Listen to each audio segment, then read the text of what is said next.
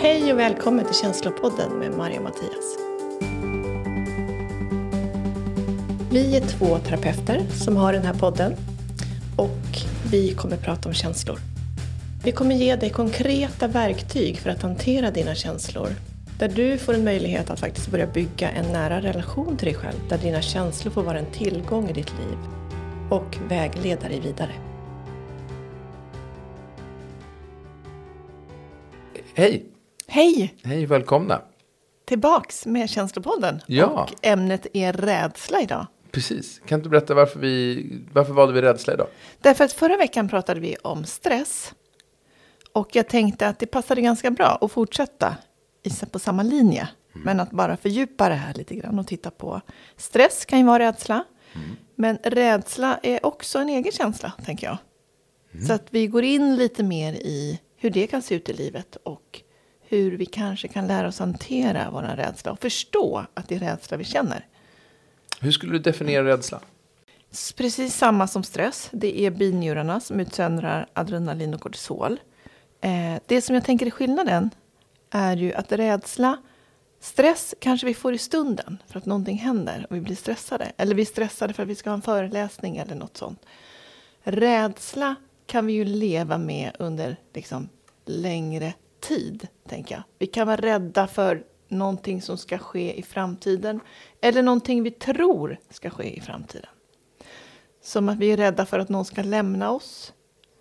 Eller vi är rädda för att vi ska bli sjuka. Eller vi är rädda för höjder.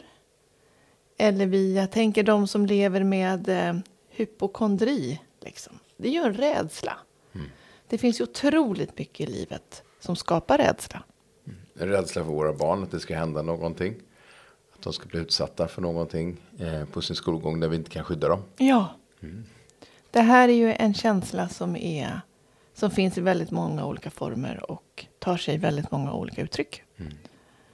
Jag tänker det är någonting som vi också lever med. Att som vi försöker hela tiden undvika. Ja, Det känns som en så väldigt tydligt symbol på att det finns ett hinder längre fram som jag har varit på tidigare. Eller sett tidigare. Och det hindret är jag rädd för. För jag vet inte hur jag ska handskas med den situationen när den dyker upp. Så då blir jag väldigt rädd för den. Och försöker verkligen ta andra vägar än att möta den.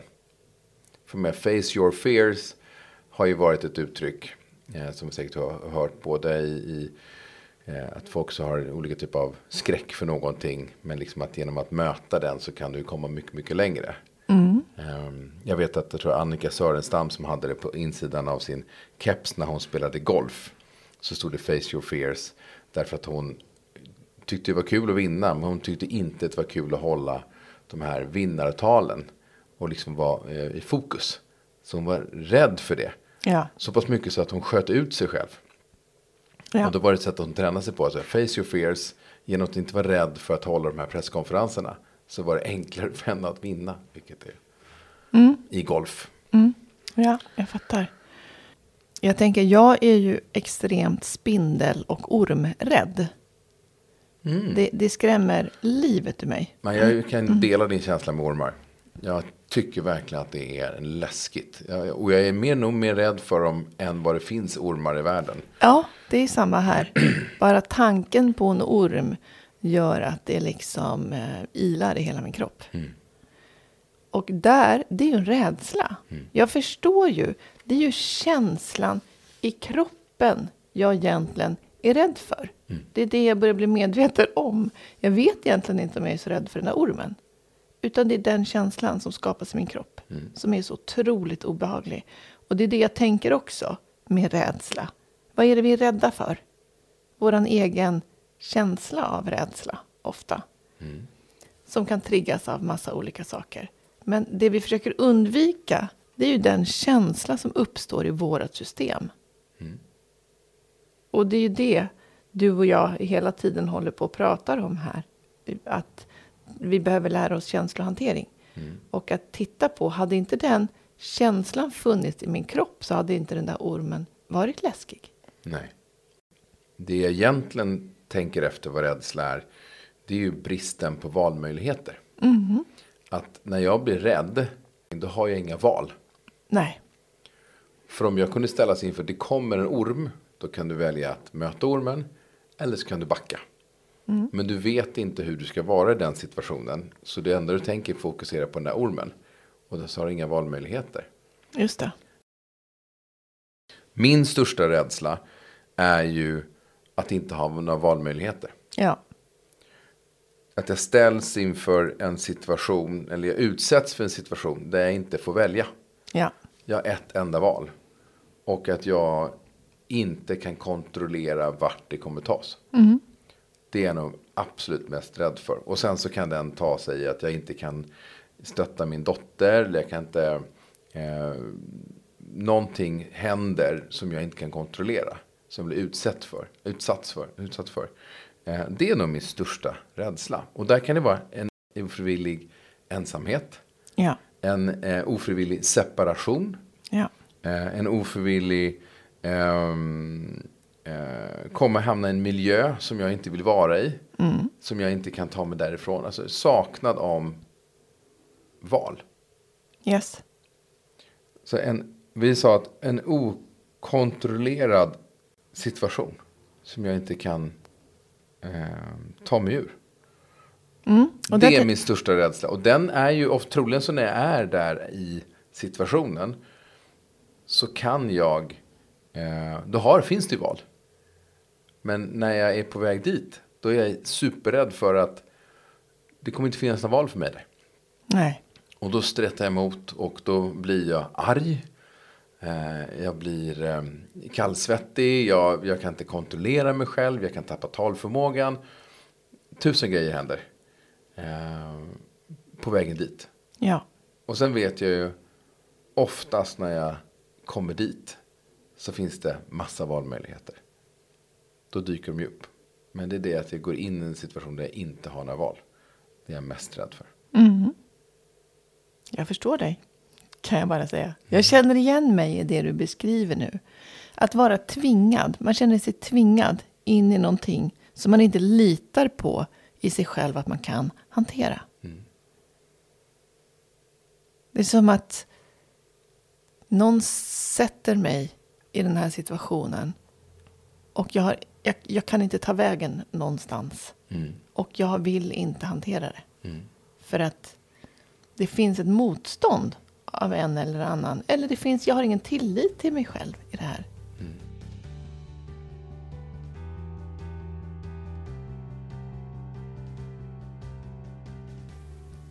Jag, jag som har separerat ehm, har stött på väldigt många känslor, ska jag säga i mig själv, av att nu tvingas jag in.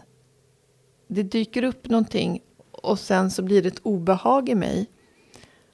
Och det som jag ser så tydligt är att när obehaget kommer det är direkt kopplat till att jag tror inte att jag kan hantera det här. Mm. Och förut har ni varit två på många av de här grejerna. Det är som att jag tappar bort den, jag blir ensam. Ensamheten är smärtsam i sig. Och när det redan finns en känsla av smärta i mig utifrån att jag värderar mig själv som ensam så, blir det som att det smittar av sig också på att jag är dålig på något sätt i det. Och du är rädd för att vara dålig. Jag är rädd för att vara dålig, för att ensamhet... Alltså det plockar ju bort den från anknytning, tänker jag, som man har med den andra människan. Och anknytning är ju grunden av trygghet. Och när man klipps av från den anknytningen. Jag tänker på ett barn också, som inte får den anknytningen den behöver. Den slutar ju aldrig att älska sina föräldrar. Den slutar att älska sig själv. Den gör ju fel på sig själv. Och det där kan jag fortfarande se sker i mig på något plan. När jag inte får mina grundläggande behov tillfredsställda av anknytning och känna mig sedd och lyssnad och erkänd. Så är det som att någonting säger fortfarande i mig att det är jag som är fel. Och du är rädd för det. Det är smärta. Jag är rädd för den smärtan som uppstår i den situationen. Den värderingen jag lägger på mig själv. Som jag tänker kommer från ett förflutet. Som blir, det här förflutna blir väldigt tydligt när jag försätts i den här smärtan. Och då undviker du den för att du är rädd för att hamna där igen. Ja, då, börjar jag, då vill jag fly. Jag har haft många flyktvägar. Jag vill fly in i... Det är jätteskönt att se på jättemycket film plötsligt. Ja. Eller dricka alkohol. Dricka alkohol. eller träna. Eller yoga. Eller göra någonting annat. mm, sluta tänka på det. Ja, loop, annars, annars så loopar jag också, märker jag i det. Ältar. Ältar. Det här loopandet av att jag lever med en smärta som jag inte litar på att jag kan ta mig ur. Det intressanta här, vi kommer tillbaka till det igen, att det är, det, det är ett undvikande hela tiden av att möta någonting som är så naturligt mot det. Att det kommer upp och sen gör du allt du kan för att undvika det. Råden har ju oftast varit historiskt sett att kan du inte bara skita i det där? Kan du inte bara sluta tänka på det? Gör någonting annat. Och den strategin håller ju ett tag till att man upptäcker att det här är en, den här eh, känslan kommer på repeat. Japp. Och ska jag fortsätta så fort den här känslan kommer, eh, att, att jag är rädd för den, så ska jag sticka iväg någonstans. Alltså det blir så tydligt i vardagen att man liksom, vad man gör för att slippa känna att det är jobbigt. Man vill inte komma hem för där hemma är det jobbigt. Eh, och då gör man någonting annat. Då jobbar man över eller man ger sig in i någonting annat. Eller skapar sig nya hobbys eller eh, ger sig in i nya problemställningar. Börjar bry sig om andras problem istället för att ta hand om sina egna. Ehm, Ja, det är ju jätteskönt, tänker jag. jätteskönt. Och alltid en rädsla för det här. Ja. Ehm, Jag tänker att rädsla är lite intressant för att det går ju till att bli arg någonstans. När jag inte längre kan hantera känslan och jag blir tvingad i den, då börjar jag ju skylla på den. Alltså då får jag ju liksom, då, då, då drar ju hela mitt kemiska reaktion i kroppen igång och sen blir jag arg. Och för när att jag inte blir- kommer ur. Och när du blir arg, då tänker jag, då, då finns det också när du börjar skylla på känslan eller på någon annan. Då har vi ju hamnat i en offerposition. Just det. Och då är det ju någon annans fel. Mm. Och det är jättelätt att hamna där. För det är ett skydd. Ett jättelätt skydd. Och det är en flykt, eller ja, hur? definitivt. Ja, att hamna i offersituationen. Det är aldrig någon som bryr sig om mig. Vad fan, det här ska alltid hända mig. Ehm, och det är egentligen man tycker, det kan ju vara att man tycker synd om sig själv också. Och tänk om man bara kan förstå att det är okej att tycka synd om sig själv då. Är det okej att tycka synd om sig själv? Jag tänker att vi har ett behov av ömhet och förståelse. Så att det kanske är synd om oss i vissa stunder för att vi har så pass mycket smärta. Och att jag, det har faktiskt hjälpt mig otroligt mycket när jag har klivit ur mina värderingar om att det faktiskt inte är okej att tycka synd om sig själv. Utan att faktiskt förstå att skulle det bidra till mig här om jag faktiskt fick tycka synd om mig själv? Tänk om det är ett sätt att faktiskt också ta emot sig själv i situationen. Att få känna en empati för sig själv. Utifrån det man faktiskt sitter och handskas med. Som är väldigt smärtsamt. Fint. Ja, Tack för den dörren. ja, Det är klart att det är ett sätt att vårda sig själv. Att, alltså, att i en situation där det känns jobbigt så vet man att det där är inte jag. Utan jag har hamnat där nu på grund av den här jobbiga situationen. Och då får jag tycka så lite synd om mig själv. Eh, jag kan få ha empati med mig själv precis som jag skulle ha med en annan människa. Som är i en jättesvår situation. och då är det egentligen empati snarare än tycka synd om sig själv. Tycka synd För då om... blir det ett offer. Ja, det blir lite mer offer. Bra skillnad. Och, och, och när man säger tycka synd om, då känner jag redan att då är det någon annans fel. Just det. Och när man har empati med sig själv, det finns en självkärlek på ett annat sätt i det. Och den är fin. Nu ser jag skillnaden. Den är ganska klar för mig dessutom. Ehm, För att man behöver ju hitta en strategi att ta sig ur känslan, att, att möta känslan. Jag tänkte jag hade några eh, tips på att hur man ska få sig själv egentligen hamna i en, en bra situation så man kan ge sig själv valmöjligheter. Eh, jag hittade åtta stycken som jag tänkte bara dra. Ena är att man ser till att man tränar regelbundet. Det vill säga att man, eh, det minskar ju stressen och oron.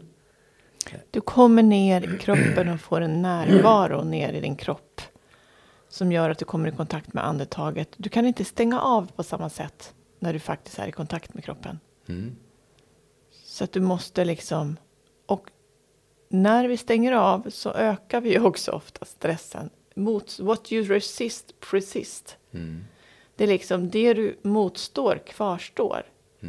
Så att, att komma ner i kroppen och komma i kontakt med andetaget gör ju att du släpper efter. Och att saker faktiskt kan börja släppa. Så japp. Men det var intressant för att den, nummer två var då praktisera avslappningsteknik. Det vill säga att eh, om det kan vara meditation eller djupandning eller eh, muskelavslappning. Mm, gör, liksom I en meditation så lär ju du dig att vara med det som är. Det är ju det hela meningen med meditation. Att stanna upp i det som är och förstå att det finns inget fel där. Acceptera. Mm. Var med det, precis som det är. Så kommer det förändras. Du är så före din tid. För att, Ja, eh, men sen hur? kommer ju då att prioritera avkoppling. Ja. Det vill säga att återhämtning eh, är viktigt. Att liksom få liksom, sätta sig ner och reflektera. Ta det lite lugnt. Att inte sätta sig pressen på det. För det är oftast den att man inte prioriterar avkoppling. För det är ju inte att prestera. Det är ju inte att vara duktig. Det är ju alltså, definitionen av att jag gör bra saker. Belönar man ju mycket mer än att man är bra. Eh, likaväl som man straffar sig själv mycket när man inte gör så bra som man tänker att man ska kunna göra. Så prioritera avkoppling. Eh, ta hand om din sömn. Mm. Prioritera avkoppling. Där tänker jag också skapa utrymme för den processen du faktiskt är i. Så att den får plats i ditt liv. Så att allt att göra kan ju lika gärna vara den flykt du konstant är på. För att det är jobbigt att vara där du är. Och ett ställe som man kan vara på eh, ganska lätt att förflytta sig till. Det är till exempel bara en promenad i naturen. Ja. Att vara med i naturen. För där kommer ju det där ganska naturligt. Det är Ja. svårt att vara stressad. Eh, man kan bli rädd i naturen men det är svårt att bli stressad generellt. Ja. Eh, Men som vi var inne på sömn. Vi behöver sova. Vi behöver prioritera en sömn. Ganska tydligt att när man minskar sin ström så blir, ökar ju också stressen. Och en orsak till att du inte sover är för att du är stressad. Så att prioritera din ström, sö- sömn. Ehm, och sen skapa eh, realistiska tidsplaner. Det vill säga när du ska göra saker och ting. Se till att du har tid för det. Och Så fort du börjar sätta in för mycket som du ska lyckas med så sätts du stress. Och då blir du rädd för att misslyckas. Ja. Och så är vi igång.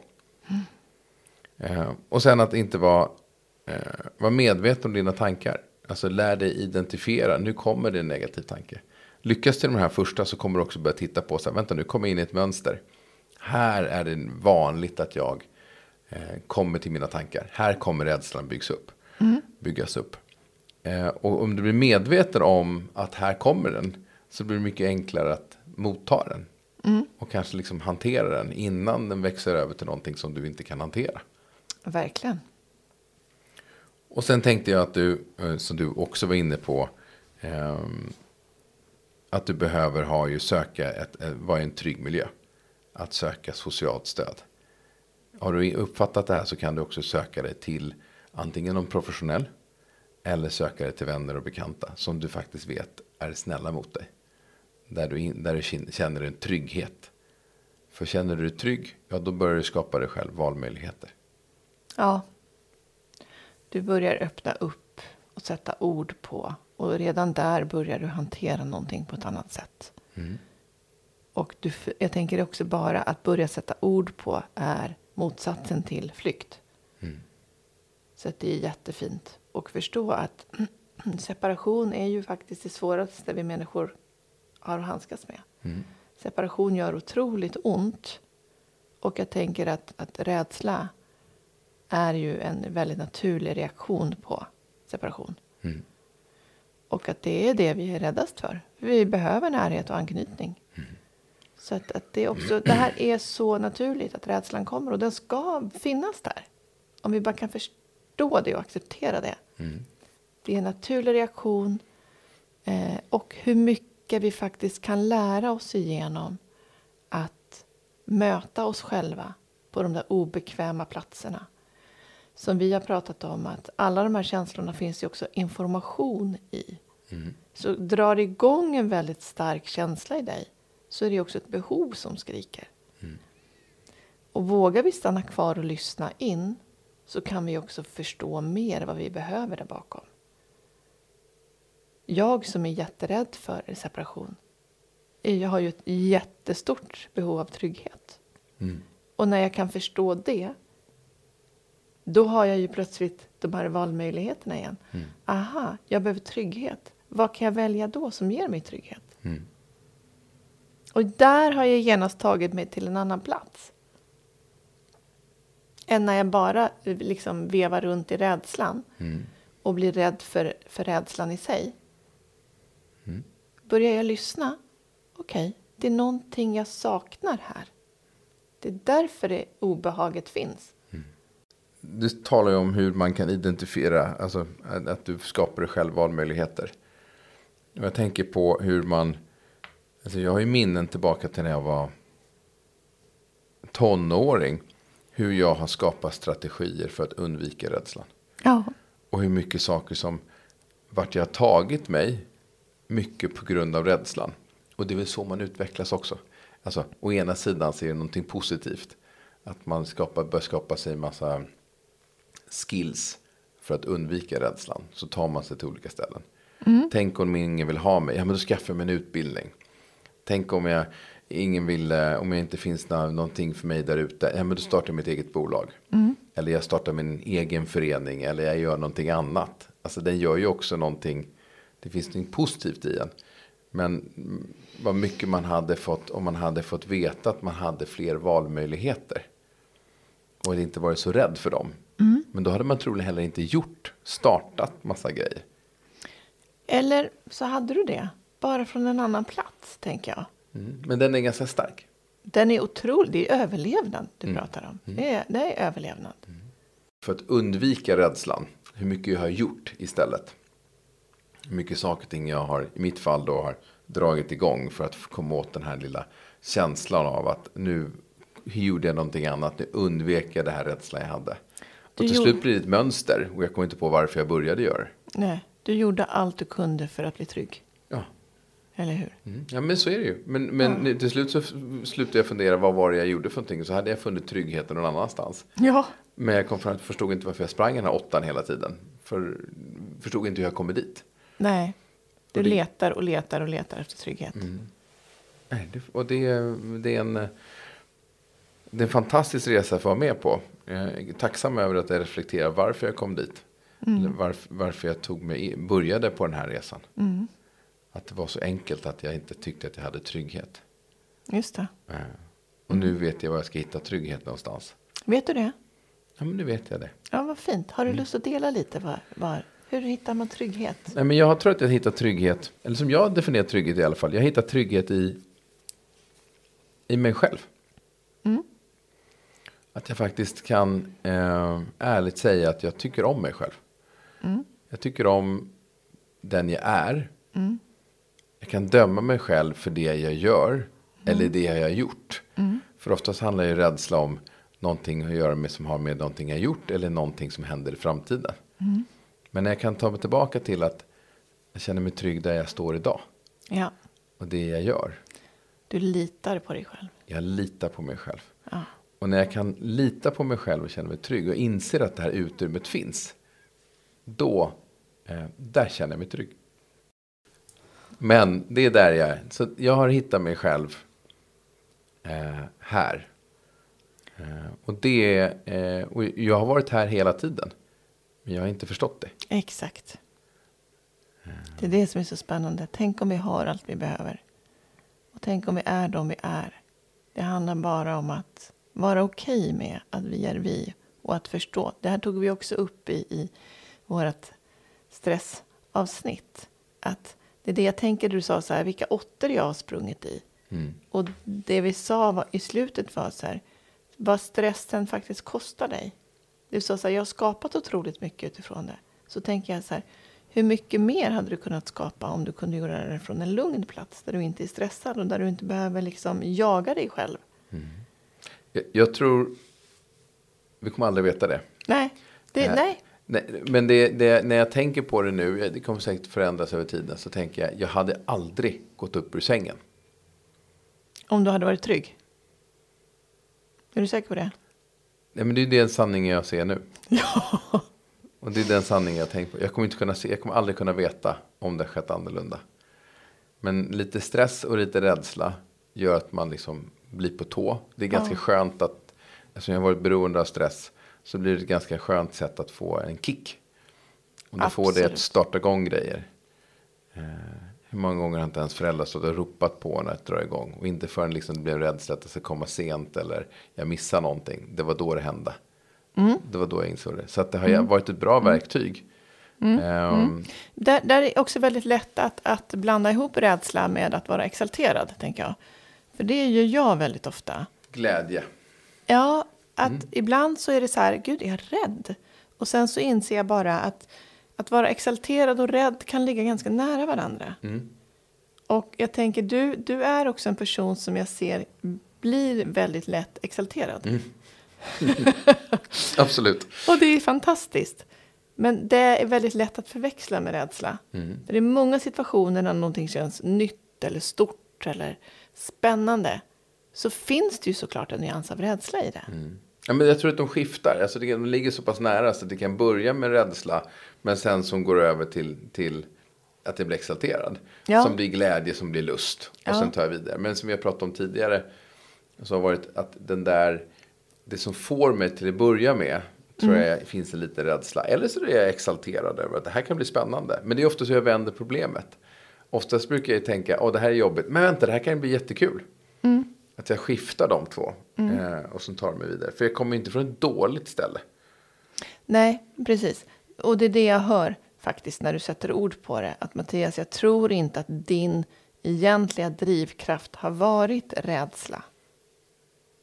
Ja, men den har funnits där för att det finns en att inte få vara, inte göra. Alltså det finns ju ett sånt uttryck i mig. När jag tänker på. Yes. Men sen så växlar den till att bli glädje och lust. Du har ändå kommit så pass snabbt till att vara exalterad. Så jag tror inte att, att rädslan har ätit upp dig på det sättet. Nej, alltså, nej, rädslan har ju vetat att glädjen slår ju rädslan i, i, liksom i, För du är i, den i person du är. strategispelet. Liksom. Ja, ja absolut. A- absolut. För det finns ju de som verkligen kommer från rädsla.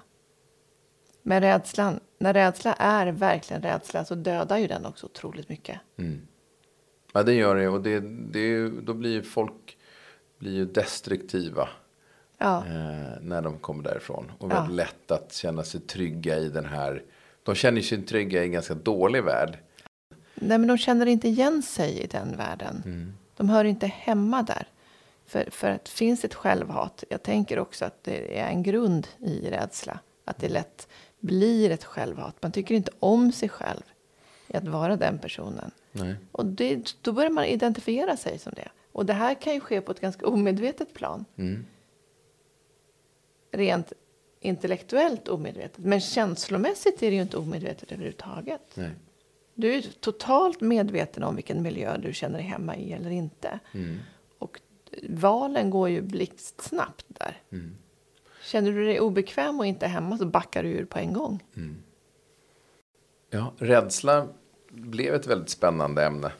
Ja. Eh, eftersom det finns mycket i det. Vi kanske ska ge oss an lite lust nästa gång. Låt oss se vad vi kan göra. Vi tycker faktiskt att det här är väldigt roligt. Ja. Eh, och det är inte så farligt. Desto mer man pratar om det, desto mer man lyssnar och, och läser. Så blir det här ett väldigt roligt ämne. Jag tycker att man behöver fortsätta sätta ord på det här så att vi kan få en djupare förståelse för också att det är så otroligt mänskligt att befinna sig här och att det är aldrig något fel på dig. Det, inget, det finns inget fel på dig. Du behöver förstå att jag är rädd och det finns en anledning bakom och att du kan ta dig därifrån. Jag som sitter och terapeutar dagarna i ända inser att så fort vi har en känsla så går vi till att det är fel på oss. Och då har vi liksom låst. Där försvann valmöjligheterna. Det är inget fel på dig. Jag tänkte avsluta med tre stycken tips. Om Kör. du fortfarande känner att du är rädd. Eh, att du inte kan hantera det. För det första, andas lugnt och djupt. Försök hitta andetaget. Ah, nu är det svinjobbigt. Ta tre, fyra andetag. Det kommer göra att du öppnar upp för valmöjligheter. Du har val. Du har alltid val. Identifiera dina tankar och känslor. Det vill säga, ah, det här är en rädsla. Vänta nu, rädsla, just det. Eh, den här kan jag hantera. Alltså, du har möjligheten. Eh, och försöker att arbeta med positiva och realistiska tankar. För de negativa är oftast inte realistiska. Och de kommer från ett ganska dåligt håll. Så att liksom hantera det. Och sen så tror jag det absolut enklaste det är att du, rädsla och ångest är oftast ors- eh, orsaken av oro för framtiden. Mm-hmm. Eller ånger över det förflutna. Försök att fokusera på nuet. Och se vad du kan hantera här och nu. Vad är det du kan göra här och nu? Jag, jag står på en buss, det finns inga sittplatser. Nej, men då har jag liksom, jag kan inte påverka, jag kan inte sätta mig ner. Men jag kan eh, röra på fötterna upp och ner. Alltså, jag har ett val. Eh, Jag kan sträcka på mig. Eh, Jag kan sträcka ut. Ja, men då har jag skapat mig själv valmöjligheter. Ja, det är fantastiskt. Fokusera på det istället. För att liksom vad du kan göra här och nu. Ja, Så kommer du släppa och då skapas möjligheter. ja men det, verkligen. Titta inte på vad du inte kan göra. Utan utforska vad du kan göra. För att då tar du dig alltid vidare. Och du skapar ditt liv framåt. Mm. Du tar kontroll över ditt liv. Mm. Hörrni, tack för idag. Tack. Vi kommer tillbaka med eh, ett nytt avsnitt. Någon gång kommer vi prata mer om lust och glädje. Yes. Ha det bra.